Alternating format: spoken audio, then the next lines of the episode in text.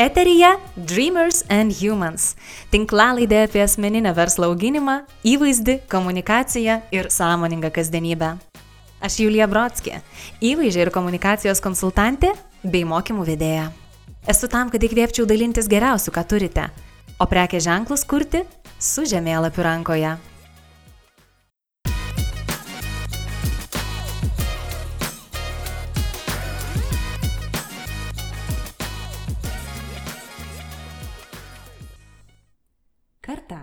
Jauna moteris vardu Margarita pamatė skelbimą laikraštyje. Ieškoma nuotaka. Į skelbimą jį žinoma atsakė ir ištekėjusi už kariuomenės vado persikėlė į Indoneziją. Deja, jos santoka nebuvo laiminga, po skirybų Margarita atsikraustė į Paryžių. Tuo metu madoje buvo viskas, kas kilė iš egzotinių rytų. Tad moteris, apsimetusi esanti indiškų šokių šokėja, netrukus tapo didžiuliu hitu. Būdama 40, Margarita įsimylėjo jauną vienakį Rusijos kariuomenės vadą. Norėdama jį paremti, netruko susirasti naują darbą - tapo prancūzų šnipe. Ji keliaudavo skersai ir išilgai po Europą, laivais ir traukiniais, šimtus kartų keisdama savo šukuoseną, tapo persirengimo meistrė. Aptikusi vokiečių kariuomenės povandeninius laivus šalia Maroko, Margarita nematomų rašalų rašė laiškus Prancūzijai. Deja vėliau prancūzams įtarus, kad ji yra dviguba šnipė, informacija teikianti ir vokiečiams, Margarita buvo nuteista myriop. Gyvenimo pabaigą ji pasitiko drąsiai ir laisvai, su šaudimo būriui pasiūsdama oro bučinį. Tai buvo pasakojimas apie garsę pirmojo pasaulinio karo šnipę Mata Hari iš Kavalo ir Favili knygos Vakaro istorijos mergaitėms maištininkėms 2. Sveiki, dėkoju, kad įsijungėte šią tinklalaidę. Ir ją neveltui pradėjau istorijos pasakojimu. Mūsų šios dienos tema - Storytelling and Marketing arba istorijų pasakojimas marketinge. Didieji prekių ženklai jau labai seniai naudoja šį būdą, tačiau man atrodo, kad mažieji vieno žmogaus verslai ir veiklos dar tik pradeda suprasti jo reikšmę. Noriu pastebėti, kad istorijas užrašyti, jų ieškoti ir kurti kviečiu prieš tai atlikus savo prekės ženklo identiteto gryninimąsi, kurį aptarėme tinklalaidyje, kaip sukurti stiprų asmeninį prekės ženklą. O taip pat svarbu suvokti ir content marketing arba turinio marketingo temą, aptartą laidoje, kaip adaptuoti savo komunikaciją dabar. O dabar apie storytellingą.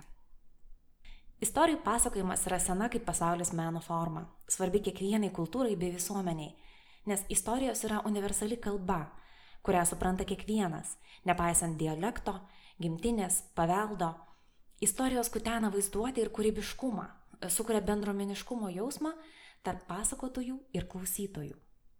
Kiekvienas intuityviai viduje atliepiame herojaus keliones ar širdį veriančias meilės temas. Besiklausant pasakojimų kylančios emocijos - viltis, pyktis, džiaugsmas, palaikymas - mus vienyje. Vienyje netrodos iš kardinaliai skirtingų kultūrų kilusios ir vienas kito gyvenimo būdo nesuprantančios žmonės. Pasaulyje, padalintame kalbų, religijų, politinių pažiūrų, rasių, požiūrių, istorijos mus apjungia ir daro mus labiau žmonėmis. Stories make us human. Man tai be galo graži ir šilta frazė. Richardas Bransonas teigia, kad jeigu norime būti puikiais verslininkais ir lyderiais, turime būti puikūs istorijų pasakotojai. Kuogi dėtos istorijos marketinge bei versle? Esu tikra, kad kiekvienas esame patyrę jausmą, kai nesuprantame kokio nors dalyko.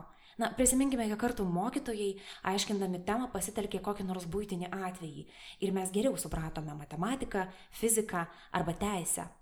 Gyvi pavyzdžiai tarsi suteikia tiems dalykams gyvybės ir sudėtingą konceptą priartina prie žmogaus. Paprasti pavyzdžiai susiaurina abstrakčią savoką ir supaprastina kompleksinę žinutę. Todėl į sudėtingą konceptą įpindami kasdienės idėjas ir gyvenimus, turime galimybę išaiškinti savo verslo idėją, paskleisti žinutę žmonių kalba. Taigi istorijos daro mus labiau žmonėmis. Tas pats galioja ir prekės ženklams. Sužmoginti, skaidrus, autentiški prekės ženklai vartotojams yra labiau suprantami. Pažindami prekės ženklą iš vidaus, žmonės linkia pajusti stipresnį ryšį su brandu ir jį kūrenčiai žmonėmis. Virpindami žmonių emocijas, juos motivuojame, įkvepiame ir svarbiausia, skatiname veikti. Beje, rezonuojančios istorijos kuria ir lojalumą prekės ženklui. Ypač tais atvejais, kai jos tampa testinė scenarijaus linija marketinge. Storytellingas yra vienas stipriausių būdų prekės ženklui įpūsti gyvybės ir yra svarbiausias turinio marketingo komponentas. Ir šis komponentas leidžia pasimti potencialų pirkėją į kelionę, atverti jam galinį įėjimą, leisti apžiūrėti virtuvę, pažinti, patirti, išjausti prekės ženklą. Na, pagalvokime patys, ar norime skirti savo laiką pardaviminių žinučių skaitimui? Tikrai ne. Tačiau jei esame kviečiami į viliojančius užkulisius, kuriuose mums paruoštas specialus pasirodymas, tiesiogiai susijęs su mūsų gyvenimais, mums jau smalsu. Ir dar keli storytellingo privalumai marketinge. Istorijomis žymiai lengviau sukuriamas pasitikėjimas prekės ženklu. Jos padeda apjungti visą kūriamą turinį medijose. Prekės ženklas turintis istoriją atrodo stipriau ir įtikinamiau, lyginant su kitais rinkoje veikiančiais asmenimis. Beje, pamenate tos atvejus, kai atėję į brendo internetinį puslapį matome nuorodas - misija, vizija ir panašiai. Iki kartų esame jas paspaudę. Dažniausiai nujaučiame, kad ten bus kažkoks nuobodus skambių žodžių kratinys ir tą dalį esame linkę praleisti. Tačiau istorijos misija ir vizija padės atskleisti gerokai labiau įtraukiančių būdų. Taigi, kaip tą istoriją sukurti? Čia trumpai prisiminkime kelis esminius pasakojimo elementus.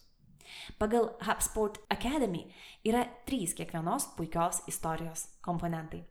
Pirma - personažai. Mažiausiai vienas.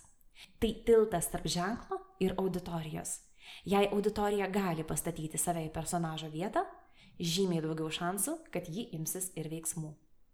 Personažu gali būti klientas, prekės ženklo įkūrėjas ar kitas žmogus. Antra - konfliktas. Nėra konflikto, nėra istorijos. Tai pamoka, kurią personažas išmoksta įveikęs iššūkį. Konfliktas yra labai svarbus. Na, įsivaizduokime, kad karalaitės vyksta gelbėti drakono pagraptos princesės, radęs urbą aptinka, kad drakonas išvykęs į medžioklę, be rūpeščių išlaisvina karalaitę Ir istorijos pabaiga. Kaip jums tokia pasaka? Trečia. Atomasga. Nesvarbu, ar pasakojimas baigėsi gerai ar ne, atomasga turi jį pabaigti ir palikti auditoriją su jausmu, kad norisi kažką daryti ir veikti. Tai yra trys pagrindiniai pasakojimo komponentai. O beje, ruoždamasi šiai laidai aptikau terminą brand journalist arba prekės ženklų žurnalistas. Pasirodo, kai kurie prekės ženklai samdo ne tik marketingo meistrus, bet ir žurnalistus, kuriems istorijų pasakojimas - kasdienė duona. Tai štai žurnalistų patarimas tiems, kurie nepratę istorijų rašyti. Pasirodo, reikia atsakyti į šiuos penkis klausimus. Kas, ką, kur, kada, kodėl. Ir tada jau pinkite istorijos kasas. Tikiu, kad kiekvienas verslas turi begalės faktų, statistikų, skaičių, žinučių apie save, produktų bei paslaugų. Tam, kad žinotumėm, kaip jas apvilkti emocijas keliančių istorijos rūbų, pradėsime nuo pirmojo žingsnio. Pirma, prisiminkime, kas mūsų auditorija. Kalbėjome apie tai epizode prieš tai, kaip sukurti prekės ženklo identitetą. Vėlgi, ir šį kartą atsispiriame nuo savo tikslinės auditorijos ir konkrečių žmonių. Kas jiems šiuo metu aktualu, įdomu ir svarbu. Kaip galime savo auditorijai pasitarnauti šiandien. Antra, pagalvokime apie istorijos turinį ir kokio rezultato tikimės. Kaip norėtumėm, kad auditorija jaustųsi ją perskaičiusi arba išgirdusi. Tai padės susidėlioti istorijos tikslą. Tikslų gali būti net keletas. Apžvelkime juos. Pirmasis - įkvėpti veiksmui.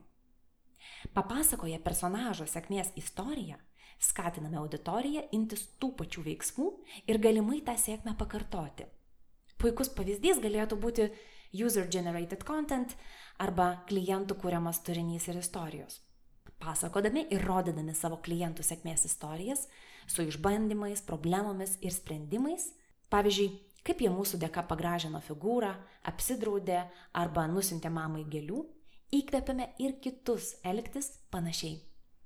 Antra, papasakoti apie save. Savo ar komandos iššūkius, sunkumus, susimovimus, laimėjimus.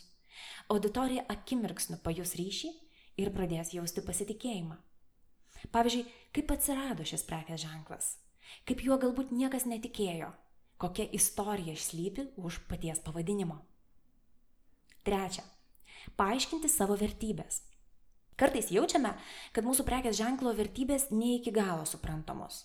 Galbūt atėjome į naują rinką, o gal mūsų ženklas tiesioginė to žodžio prasme diktuoja naują visuomenės elgesio modelį. Istorijos labai padeda šiais atvejais. Žinoma, jos turi kelti emocijas, personažai turi būti artimi ir suprantami tiksliniai auditorijai, jai turi būti aišku, kaip tai, kas pasakojama, atsispindi jos gyvenime. Pavyzdys - aplinkai atsakingas prekės ženklas Patagonija gaminantis drabužius po daugelio metų dėvėjimo savo klientams juos taiso, o žmonių istorijas nufilmuoja su visomis detalėmis ir nuotykiais, kuriuos e, žmonės patyrė dėvėdami jų lemenes arba striukes. Ketvirta - skatinti bendruomeniškumą ir dalymasi. Žinot, visus tos atvejus, kuomet perskaitėme kažkokią žinutę ir jau rašome komentare, ir man, ir man tai buvo. Aš jaučiuosi lygiai taip pat. Pamenate mitių judėjimą? Puikus pavyzdys. Taigi, čia pasakojama istorija, kuri skatina skaitytojus diskutuoti, atsiliepti ir dalintus tuo, ką pamatė. Marketingė daug tokių pavyzdžių. Tai klientų atsiliepimai, Arba, tarkim, Airbnb istorijos. Stories from the Airbnb community, kaip jie vadina. Kuomet žmonės siunčia prekės ženklui pasakojimus, nuotykis iš kelionių ir kuriozus būtose, kuriuose apsigyveno atostogų metu. Ir paskutinis tikslas - edukuojančios istorijos. Pasakodami herojaus bandymų, klaidų istorijas, geriau paaiškiname problemą ir tai, kaip galiausiai buvo atrastas geriausias jos sprendimas. Parodant alternatyvius sprendimus, problema pasidaro dar aiškesnė. Pavyzdžiui, gamindami patiekalą, pristatome net kelis būdus, kurie turėjo padėti padaryti purų kremą, bet nepadėjo. Ir kas sekė po to. Taigi, turime auditorijos problemą, turime istorijos tikslą, kaip norime, kad klientas jaustųsi ją išgirdęs arba pamatęs, laikas istoriją užfiksuoti.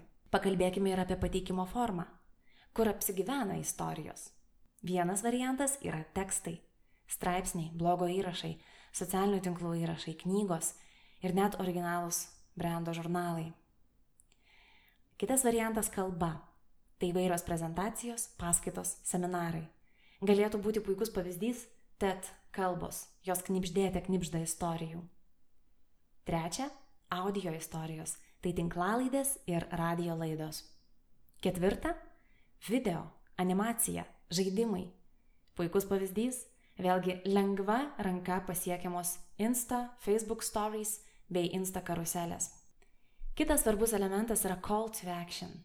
Papasakojo istoriją, nepamirškime priminti auditorijai, o kokių veiksmų dabar iš jos tikimės. Užsiregistruoti naujienlaiškiui, dalyvauti mokymuose, įsigyti produktą, paukoti pinigų, leiskime tiksliai žinoti, pasakykime aiškiai, įdėkime reikalingas nuorodas. Na ir dar, kasgi nėra storytellingas marketinge? Visų pirma, tai yra ilgi paustai. Jei galvojame, kad ilgas įrašas paklodė yra jau istorija, tai klystame. Be anksčiau minėtų dedamųjų personažo konflikto ir atomosgos, tai ne istorija. Na ir žinoma, reklaminės žinutės, klipai arba tiesiog faktai apie jūsų prekės ženklą taip pat nėra istorija. Į ką dar kviečiu atkreipti dėmesį? Storytellingas nėra vienkartinis žingsnis. Tai testinis būdas, besiadaptuojantis prie žmonių poreikių. Tačiau neapsirikime, ne visas mūsų kūriamas turinys nuo dabar turi tapti vien istorijomis. Kurkime ir visai paprastučius paustus ir žinutės, be jokių personažų ar konfliktų. Tuo pačiu, mokykime istorijų pasakojimo meno ir būkime atlaidus savo Šis įgūdis iš tikrųjų reikalauja daug laiko, praktikos ir kantrybės. Prisiminkime, geras istorijų pasakotojas yra ir puikus klausytojas. Girdėkime savo auditoriją, supraskime jos norus, nerimą ir požiūrį. Rengdama šią laidą rėmiausi šiais šaltiniais.